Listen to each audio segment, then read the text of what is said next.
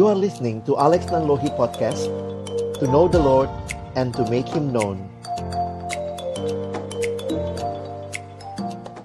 Baik, selamat malam uh, Bapak, Ibu, para dokter yang dikasih dalam Tuhan Yesus Kristus. Saya bersyukur buat kesempatan malam hari ini Boleh sharing firman Tuhan Dan saya mengajak kita siapkan hati kita berdoa mohon pimpinan Tuhan Bapa di dalam surga, kami kembali datang dalam ucapan syukur malam hari ini karena tidak ada satupun hal yang terjadi dalam hidup kami di luar kasih kontrol kehendak Tuhan. Dan apa yang kami sama-sama boleh nikmati malam hari ini, persekutuan kami dengan Tuhan dan sesama, kiranya Tuhan sendiri yang boleh memberkati. Kalau sebentar kami akan membuka firman-Mu, kami mohon ya Tuhan Kau buka juga hati kami. Jadikanlah hati kami seperti tanah yang baik. Supaya ketika benih firman Tuhan ditaburkan itu boleh sungguh-sungguh berakar, bertumbuh, dan juga berbuah nyata di dalam kehidupan kami. Berkati hambamu yang menyampaikan, setiap kami yang mendengar, dan juga interaksi di antara kami, Tuhan tolonglah kami semua sehingga pada akhirnya kami bukan hanya jadi pendengar-pendengar firman yang setia, tapi mampukan dengan kuasa dari rohmu yang kudus, kami dimampukan menjadi pelaku-pelaku firman-Mu di dalam kehidupan kami. Bersabdalah ya Tuhan, kami sedia mendengarnya. Dalam satu nama yang kudus, nama yang berkuasa, nama Tuhan kami Yesus Kristus, Sang Firman yang hidup. Kami menyerahkan pemberitaan firman-Mu. Amin. Ya, malam hari ini saya mengajak kita melihat satu bagian dalam kitab Daniel.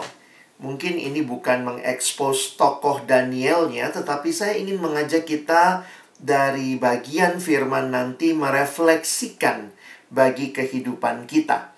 Saya siapkan uh, slide untuk uh, kita sama-sama juga bisa perhatikan malam hari ini dan kiranya ini juga menolong kita untuk bisa menikmati kebenaran firman Tuhan.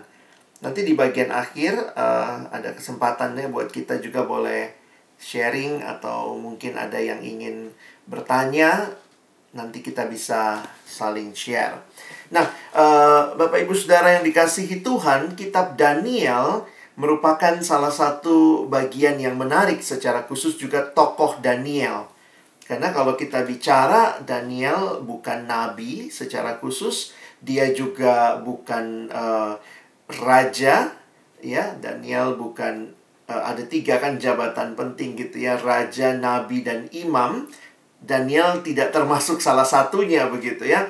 Jadi yang menarik Daniel ini uh, eh, PNB ya, pegawai negeri Babel. Kalau kita lihat bagaimana karirnya kemudian dan apa yang bisa kita pelajari kalau kita perhatikan dalam kehidupan Daniel? Saya pikir banyak sekali hal yang kita bisa pelajari.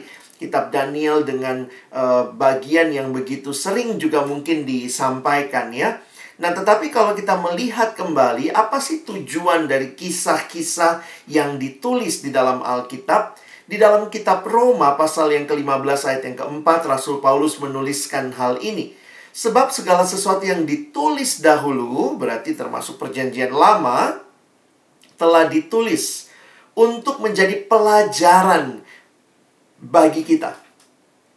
Supaya kita teguh berpegang pada pengharapan oleh ketekunan dan penghiburan dari kitab suci. Jadi saya saya uh, senang dengan ayat ini ya karena akhirnya begini.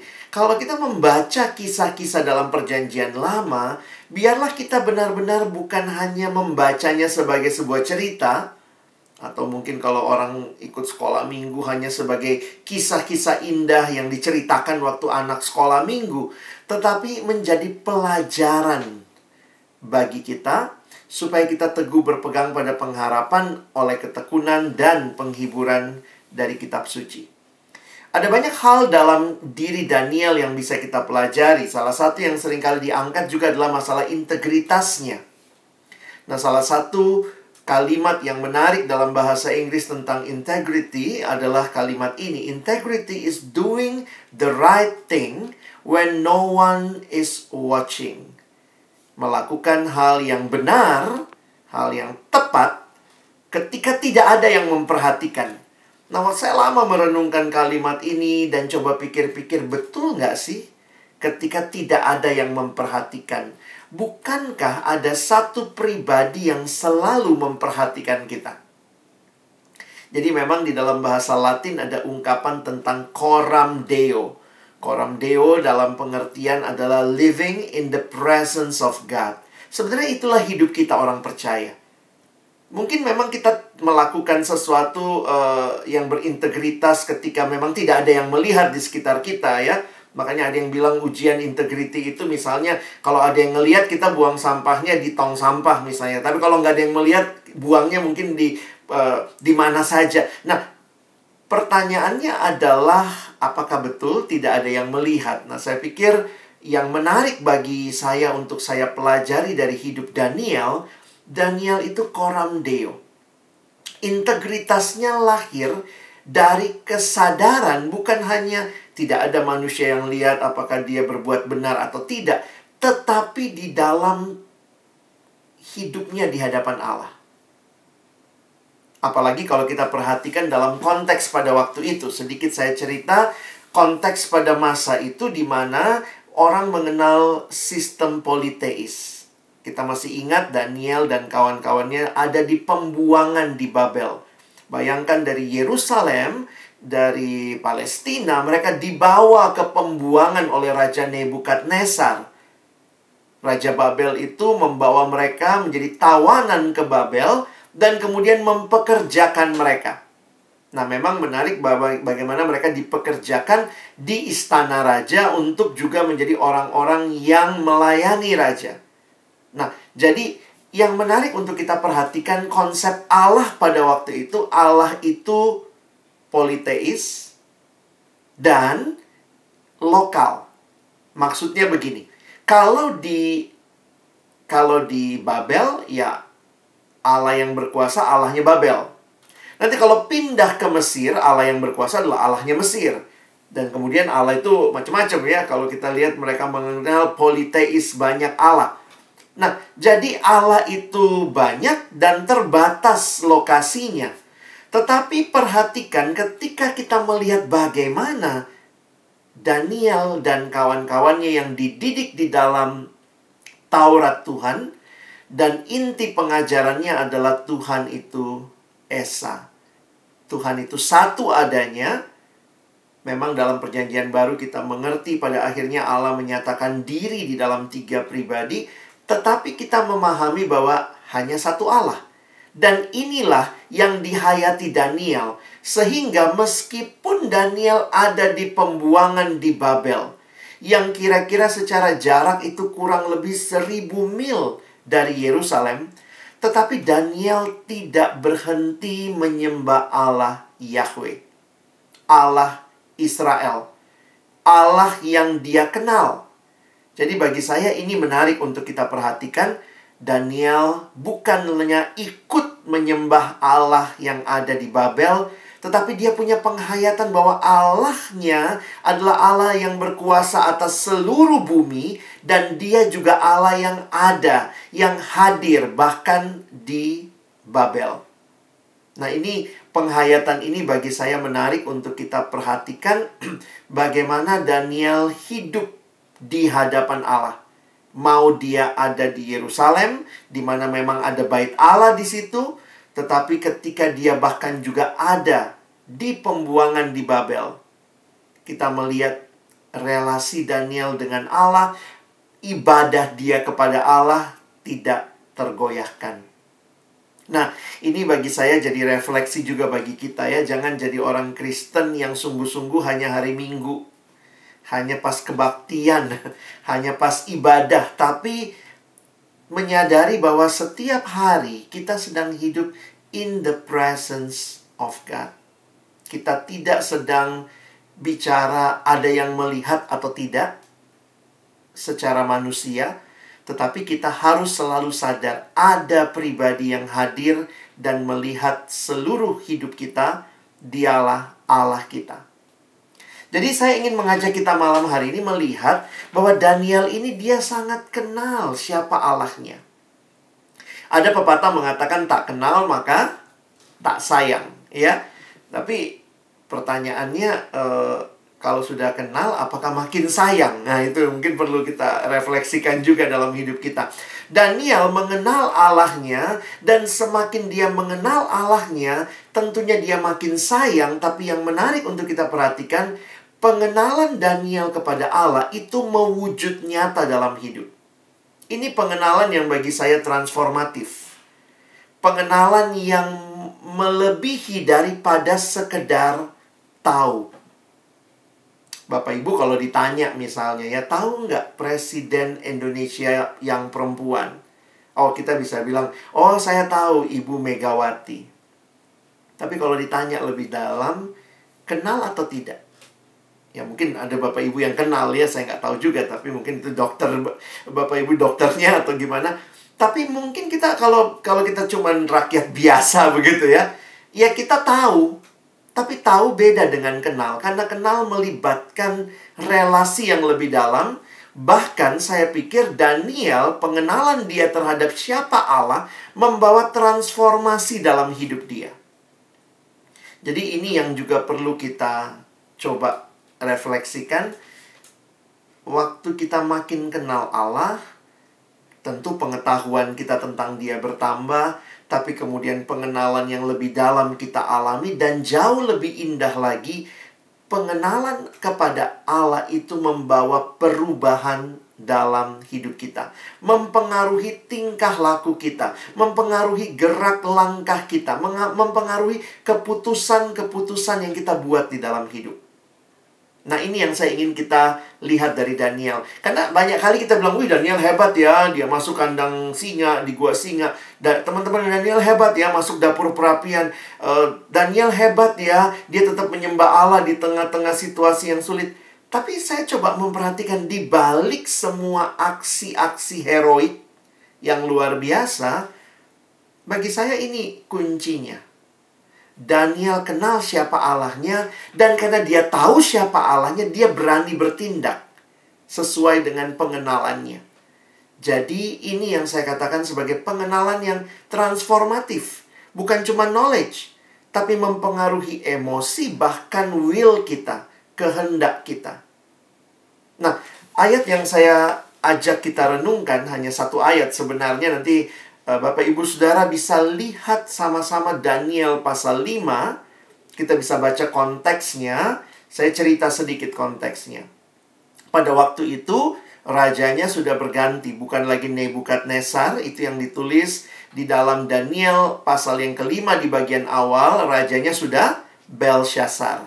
Nah, Raja Belshazzar kemudian dia mengambil perkakas-perkakas yang diambil dari bait Allah Lalu kemudian dia makan dan minum bersama dengan para pembesarnya. Pakai perkakas-perkakas dari bait Allah yang dulu diambil oleh ayahnya Nebukadnezar.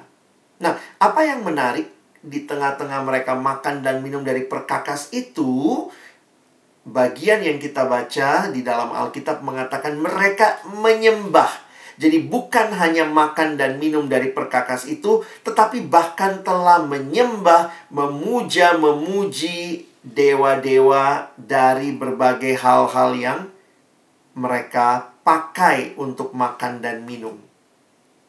Lalu karena itulah muncul punggung tangan. Kalau kita ingat ya cerita sekolah minggu ya. Muncul punggung tangan yang menuliskan mene mene tekel ufarsin. Dan waktu itu tidak ada yang bisa mengartikan. Semua ditanya artinya apa. Nggak ada yang bisa mengartikan. Sampai akhirnya dipanggillah Daniel. Daniel bisa mengartikan itu. Di mana kerajaan Babel akan runtuh diganti dengan kerajaan Persia. Itu arti dari penglihatan itu. Punggung tangan atau arti dari tulisan itu. Nah, tetapi yang menarik Daniel 5 ayat 23 ini merupakan pengantar ketika Daniel mau memberitahukan mimpi itu apa sorry tulisan itu. Jadi bagi saya menarik ya. Sebelum Daniel kasih tahu apa isi tulisan itu, Daniel rebuke the king. Daniel menegur sang raja. Dan inilah tegurannya. Jadi kalau Bapak Ibu nanti baca konteksnya, Daniel sampai ternyata dia nggak langsung artikan, dia tegur dulu raja. Nah, menarik sekali dari teguran ini, ini yang saya mau refleksikan tentang pengenalan Daniel akan siapa Allah yang dia sembah. Mari kita baca Daniel 5 ayat 23 ini. Jadi lihat tegurannya Daniel. Tuanku berarti sang raja Belsasar. Tuanku meninggikan diri terhadap yang berkuasa di sorga. Perkakas dari baitnya dibawa orang kepada tuanku. Lalu tuanku serta para pembesar tuanku, para istri dan para gundik tuanku telah minum anggur dari perkakas itu. Tuanku telah memuji-muji dewa-dewa dari perak dan emas, dari tembaga, besi, dan kayu. Jadi Bapak Ibu perhatikan, bukan hanya memakai itu untuk minum, untuk makan nampaknya mereka memuji-muji berarti menyembah dewa-dewa dari perak, emas, tembaga, besi, kayu dan batu. Ingat mereka politeis. Semua dianggap ada Allahnya bisa disembah. Nah, kemudian perhatikan kalimat ini yang saya garis bawahi. Dari perak, emas, tembaga, besi, kayu, batu yang tidak dapat melihat atau mendengar atau mengetahui dan tidak tuanku muliakan Allah yang menggenggam nafas tuanku dan menentukan segala jalan tuanku. Bapak Ibu saya ambil pembalikannya. Saya ambil sebaliknya ya. Daniel bisa begitu rupa mengidentifikasi dewa-dewa yang dipuja-puji.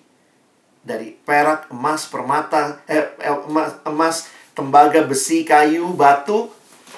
Ada lima karakteristik dari dewa-dewa yang disembah waktu itu.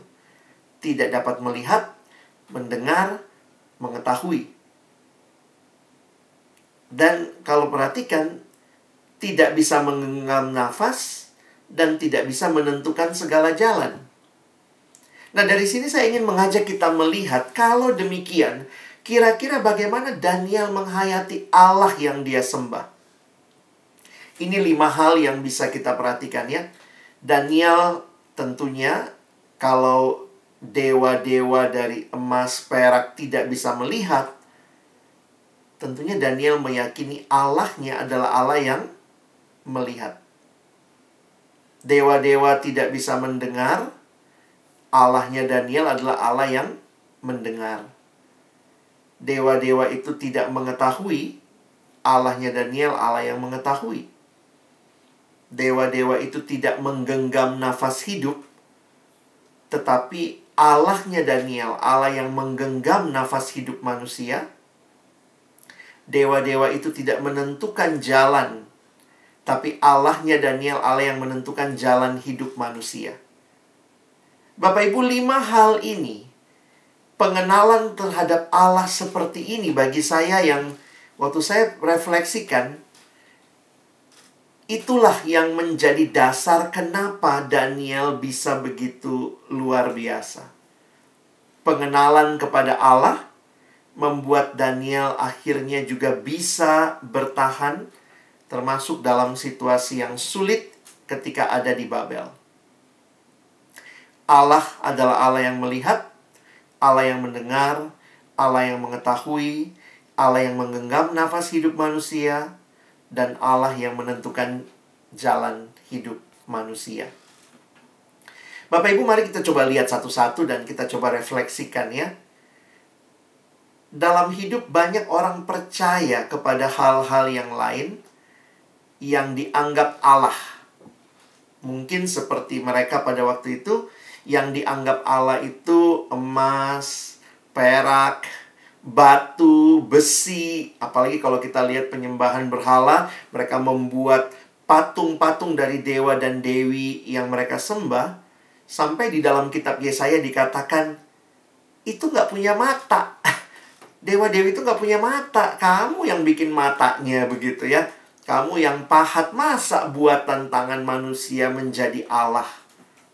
Nah, ini jadi hal yang menarik untuk kita perhatikan bahwa Allahnya Daniel yang dia hayati adalah Allah yang melihat. Gambaran tentang Allah di dalam Alkitab sering kali digunakan antropomorfisme. Maksudnya apa? Kita tahu Allah adalah roh.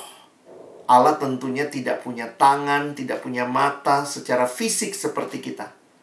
Tetapi antropomorfisme mengatakan Allah dibahasakan dengan bahasa yang bisa kita mengerti.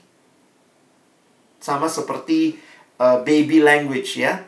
Kadang-kadang kalau mau apa, mau apa, mau mamam, mamam. Jadi mamam itu kan ya the formal phrase-nya kan makan tapi ya anak bayi mungkin nggak bisa ngerti gitu ya di, di, jadi kadang-kadang uh, Johannes Calvin mengatakan Tuhan berbicara kepada kita di dalam baby language.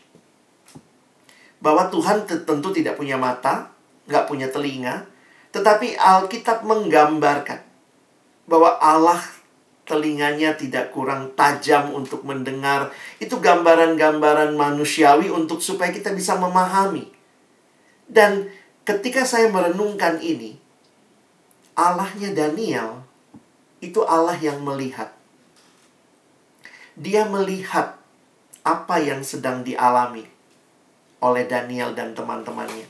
Dia bukan hanya Allah yang berkuasa di Yerusalem DSK ya dan sekitarnya. Dia Allah yang juga ada di Babel. Dia Allah yang melihat apa yang terjadi. Dia Allah yang bukannya absen dari sejarah. Dia Allah yang melihat. Siapa Allah yang kita kenal? Apakah juga sama dengan Allahnya Daniel? Seringkali dalam pergumulan hidup, kadang-kadang kita gampang sekali berkata, Tuhan, kenapa Tuhan tidak peduli dengan hidupku? Begitu ya. Kenapa Tuhan tidak lihat kesengsaraanku? Daniel mengalami tantangan yang luar biasa. Dia pernah ada di posisi tawanan yang rendah. Dia pernah ada dimasukkan ke dalam gua singa. Tapi juga sebelumnya kita tahu dia pernah diangkat begitu tinggi jadi orang nomor dua yang ada di atau mau diangkat jadi orang nomor dua di kerajaan pada waktu itu. Tapi yang menarik adalah Daniel sadar Allah adalah Allah yang melihat. Koram Deo. Kita tidak hanya hidup di hadapan orang yang lihat kita. Kalau Bapak Ibu di rumah sakit ya mungkin ada manajemen ya kita nggak sekedar hidup di depan uh, owner, di depan manajemen, di depan pasien, di depan kita hidup di hadapan Allah. He is the true owner of our lives. Dialah pemilik yang sejati dari semua hidup kita. Dan meyakini bahwa Allah kita adalah Allah yang melihat saya pikir itu memberikan ketenangan ketika kita punya pergumulan ya kita paling tidak memahami bahwa Tuhan aku tidak sendiri, Engkau hadir, Engkau melihat bahkan apa yang menjadi pergumulanku. Selanjutnya Allah Daniel Allah yang mendengar. Di dalam kejad, uh, di dalam Daniel pasal 2 dituliskan bagaimana ketika Daniel mendengar titah raja yang mau membinasakan mereka, Daniel pulang dan dia berkumpul bersama teman-temannya Sadrak, Mesak, Abednego dan dituliskan mereka supaya mereka berseru kepada Allah. Bapak Ibu sekali lagi berdoa kepada Allah Israel di Babel itu nggak masuk akal buat konteks waktu itu yang politeis dan Allahnya lokal. Ya kalau mau doa sama Allahnya Israel ya doanya di tanah Kanaan di Israel. Masa di di daerah Babel doanya sama Allah Yahweh? Tapi Daniel tahu siapa Allahnya dan dia datang dalam doa. Kalau Bapak Ibu perhatikan Daniel pasal 6 bahkan dikatakan satu hari tiga kali Daniel berdoa menghadap Yerusalem. Apa maksudnya menghadap Yerusalem? Waktu itu mereka lagi dalam pembuangan menghadap Yerusalem adalah kerinduan untuk kembali ke Yerusalem sebagaimana Allah janjikan setelah 70 tahun kamu akan kubawa kembali ke Yerusalem. Apakah kita lagi lesu, lagi malas berdoa, lagi merasa Tuhan saya doa-doa kok nggak didengar ya. Daniel berdoa dan kalau kita ingat Daniel itu kan dibawanya masih muda ya. Dari Yerusalem dibawa jadi tawanan ke Babel. Berdoa satu hari tiga kali hadap Yerusalem. Berapa lama ini? Ya paling tidak kalau kita meyakini ada beberapa penafsir mengatakan Daniel mungkin termasuk juga yang melihat Israel kembali dari pembuangan. Daniel berdoa kira-kira 70 tahunan Bapak Ibu ya. Berdoa 70 tahun. Di tengah pembuangan, satu hari tiga kali menghadap Yerusalem. Kadang buat saya waktu merenungkan, kenapa bisa konsisten begini ya? Padahal nggak ada perubahan ya kalau mau lihat ya Kayaknya Tuhan belum bawa mereka kembali dari pembuangan, tapi satu hari tiga kali doa terus. Bagi saya ini bukan sekedar ritual, tapi dia yakin doa itu adalah sebuah komunikasi karena ada pribadi yang mendengarkan doa. Ya, ini ini jadi perenungan lah buat kita. Mungkin Bapak Ibu mendoakan sesuatu sudah berapa lama berdoa? Kok kayaknya nggak ada perubahan? Tapi begitu nggak ada perubahan, jangan-jangan kita pun mulai merasa, kayaknya Tuhan tidur deh. Kayaknya Tuhan nggak denger deh. Kenapa yang sana doanya didengar? Kok saya enggak gitu ya? Saya pikir Daniel tuh ngelihat perubahan tuh lama Bapak Ibu ya. Ada tiga raja yang berganti.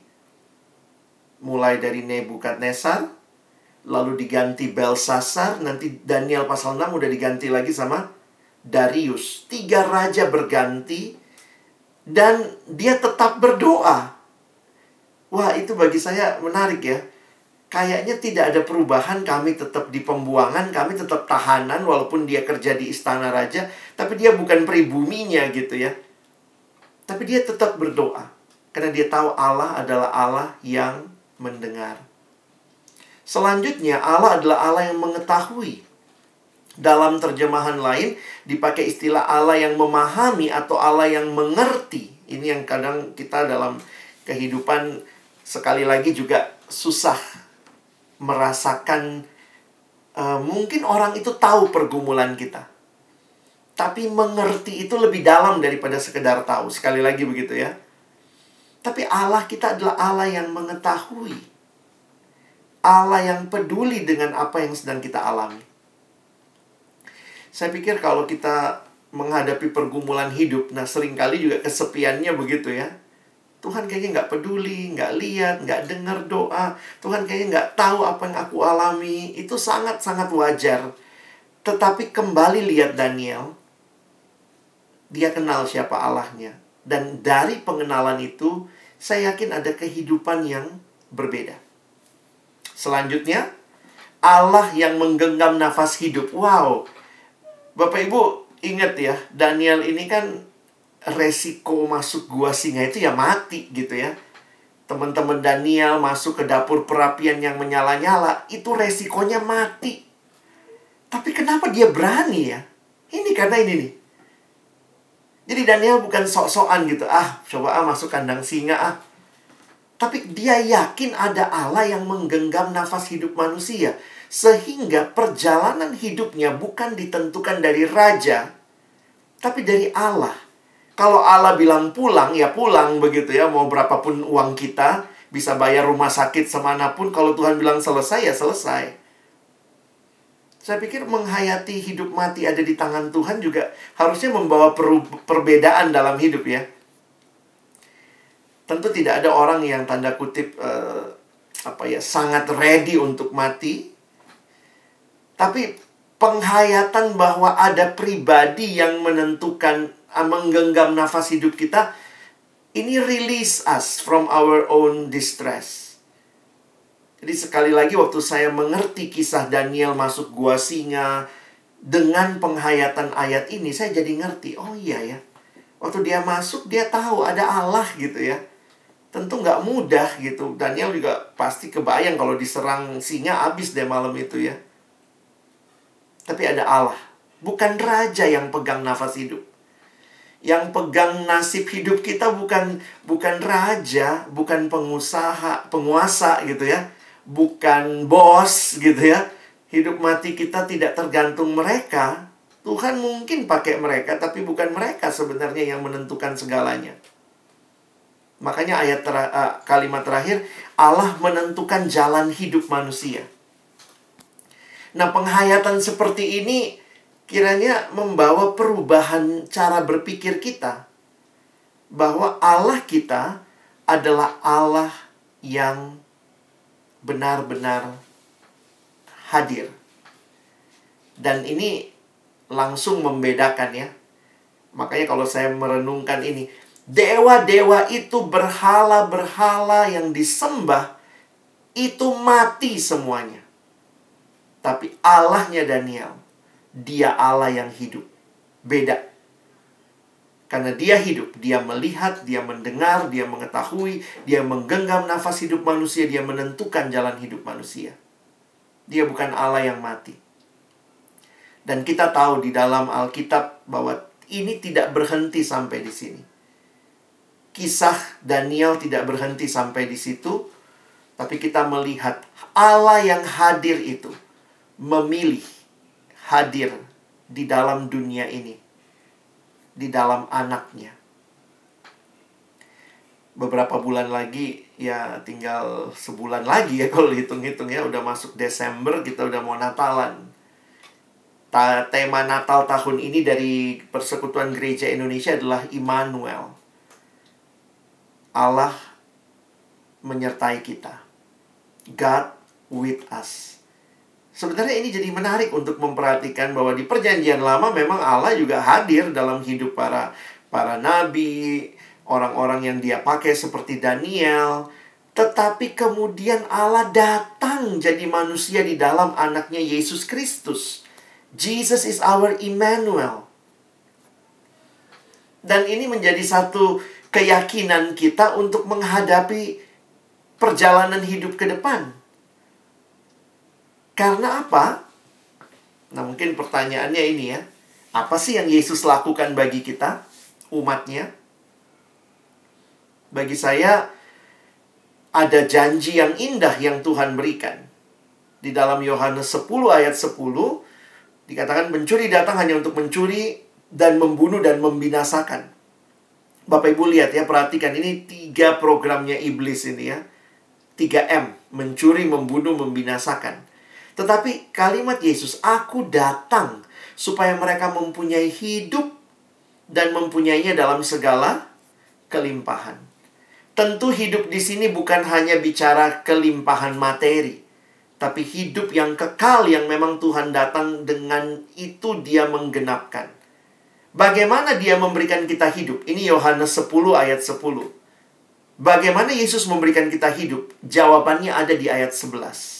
Yohanes 10 ayat 11. Akulah gembala yang baik. Gembala yang baik memberikan nyawanya bagi domba-dombanya. Ternyata untuk memberikan kita hidup, Yesus memberikan hidupnya. Supaya kita yang mati boleh hidup. Di kayu salib dia berikan segalanya bagi kita. Kematian Kristus menjadi satu tanda luar biasa kasih Allah bagi kita. Tuhan bukan hanya God with us, kalau dalam bahasa Inggris permainan katanya menarik. Not only God with us, but through the cross we experience God for us. Allah bagi kita. Dan dia tidak tinggal mati, tapi dia hidup. Petrus mengatakan apa yang Yesus bawa dengan kebangkitannya. 1 Petrus 1, 3 sampai 4 Terpujilah Allah dan Bapa Tuhan kita Yesus Kristus yang karena rahmatnya yang besar telah melahirkan kita kembali oleh kebangkitan Yesus Kristus dari antara orang mati kepada suatu hidup yang penuh pengharapan. Wow. Hidup yang penuh pengharapan. Saya pikir yang paling mengerikan di dunia ini bukan bukan penderitaan. Yang paling ngeri di dunia ini adalah orang yang tidak punya pengharapan. Karena sering kali orang kalau punya pengharapan pun masih rela menderita ya. Kalau dia punya pengharapan nggak apa-apa deh menderita dulu. Yang penting kan nanti ada pengharapan. Tapi kalau udah nggak punya pengharapan, sedih sekali kalau begitu.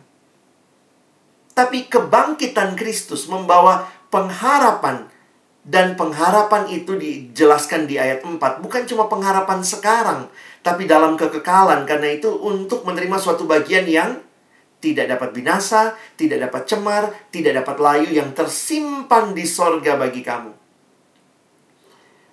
Yesus bangkit. Yes, he lives. Kita dapat hidup yang penuh pengharapan. Kutipan ini menolong kita menghayati ayat yang indah itu. We have a living hope because we have a living Savior. Daniel kenal Allahnya. Dia Allah yang hadir kita di Perjanjian Baru kenal Allah yang datang jadi manusia dalam Yesus, dan Dia datang bukan hanya datang jalan-jalan, bukan hanya kunjungan, Dia mati, tapi Dia bangkit supaya kita punya hidup. Kita bisa punya hidup yang kekal. Kita bahkan bisa menjalani hidup sekarang ini dengan perspektif hidup kekal. Jadi ketika kita mengalami pergumulan hidup, lihat lagi bahwa akhirnya kita akan mendapatkan hidup bersama Tuhan selama-lamanya. Ini memberikan semangat untuk kita bergerak maju. This world is not our destiny. Kita passing through, tapi di dalamnya kita berkarya, kita lakukan yang terbaik, kita melayani, tetapi kita tahu bahwa the better, the best is yet to come. This is not the best possible world God store for us. Ini bukan dunia yang terbaik yang Tuhan kasih sama kita. The the the world, the new creation itu nanti akan the best is yet to come. Nah, kalau kita bisa punya penghayatan seperti itu, saya pikir waktu kita melayani pasien, kita melayani sesama orang yang sedang sering kali kalau orang datang ke dokter itu kadang-kadang satu sisi juga mulai putus pengharapan kalau nggak sembuh-sembuh begitu ya. Tetapi kita bisa memberikan lebih daripada sekedar kesembuhan karena kita bisa menunjukkan mereka lebih jauh kepada istirahat yang sejati. Pemulihan yang sejati di mana Tuhan berikan buat kita. Saya pikir uh, visi bahwa ada dunia yang better world to come tidak membuat kita jadi ya sudahlah kalau ini nggak usah berjuang lah kan ada battle world ya. Tapi benar-benar perjuangan kita ada dan seirama dengan pengharapan yang kita punya. Dan inilah yang saya rindukan uh, Bapak Ibu Saudara alami juga sebagai orang-orang yang ada dalam bidang kesehatan yang saya pikir ada di garda depan juga untuk membangun orang-orang bisa melihat kepada pengharapan yang sejati itu. Bangunlah hidup yang taat di dalam Tuhan. Ada ilustrasi ini menutup khotbah saya. Seorang bernama Dawson Trotman mencoba menggambarkan hidup orang Kristen. Nah, dia kasih ilustrasi ini. Ini namanya ilustrasi roda. Jadi kalau Bapak Ibu googling langsung keluar ya uh, ilustrasi roda dari Dawson Trotman. Nah, dia coba menggambarkan sebenarnya seperti roda. Roda itu yang putar porosnya ya. Jadi dia katakan di pusat hidup, di poros hidup harusnya ada Kristus. Dan ketika ada Kristus di pusat hidup, harus ada dua jari-jari. Dia menggambarkan dua jari-jari. Satu yang vertikal hubungan dengan Allah. Satu yang horizontal hubungan dengan sesama. Nah, dia menggambarkan yang vertikal hubungan dengan Allah, saya bicara kepada Allah namanya doa. Allah bicara kepada saya melalui firman. Makanya sebenarnya dari kalau orang ke sekolah minggu dari kecil sudah tahu bagaimana bertumbuh, baca kitab suci, doa tiap hari kalau mau tumbuh. Itu relasi dengan Allah. Tetapi orang Kristen yang taat bukan cuma ada Yesus di hatinya, bukan cuma memiliki relasi dengan Tuhan, tapi juga ada yang horizontal, relasi dengan sesama. Dosen Trotman menggambarkan dua. Relasi dengan sesama orang percaya, dia katakan ini yang ke dalam, kita harus rajin bersekutu. Nah, ini di tengah-tengah orang percaya ya kita rajin bersekutu. Di, di luar, keluar kepada mereka yang belum percaya, mari kita aktif rajin bersaksi. Jadi, gambaran inilah yang dia katakan hidup orang Kristen yang taat. Dan saya pikir inilah caranya kita menikmati pengenalan akan siapa Tuhan kita melalui kita baca firman, berdoa, Tuhan makin menyatakan dirinya, kita makin kenal dia, dan hidup kita makin berubah melalui kita melayani sesama. Ke dalam kita rajin bersekutu, keluar kita bersaksi, kita makin membagikan kasih yang kita terima dari Tuhan. Jadi malam hari ini kiranya Bapak Ibu sekalian boleh refleksikan kembali pengalaman Daniel. Dia begitu luar biasa. Kadang-kadang kita mau jadi kayak Daniel. Daniel masa kini berani menghadapi gua singa. Berani untuk me, apa ya dia giving his best ya. Daniel tuh luar biasa sampai mau diangkat jadi orang nomor dua di kerajaan. Padahal dia bukan pribumi ya, bukan putra daerah. Dia orang Israel. Why? Kenapa semua ini? Kenapa dia begitu punya integritas? Karena Daniel kenal siapa Allahnya, dia punya relasi dengan Allahnya. Dan relasi itu, pengenalan itu, membawa perubahan dan mempengaruhi langkah demi langkah hidupnya.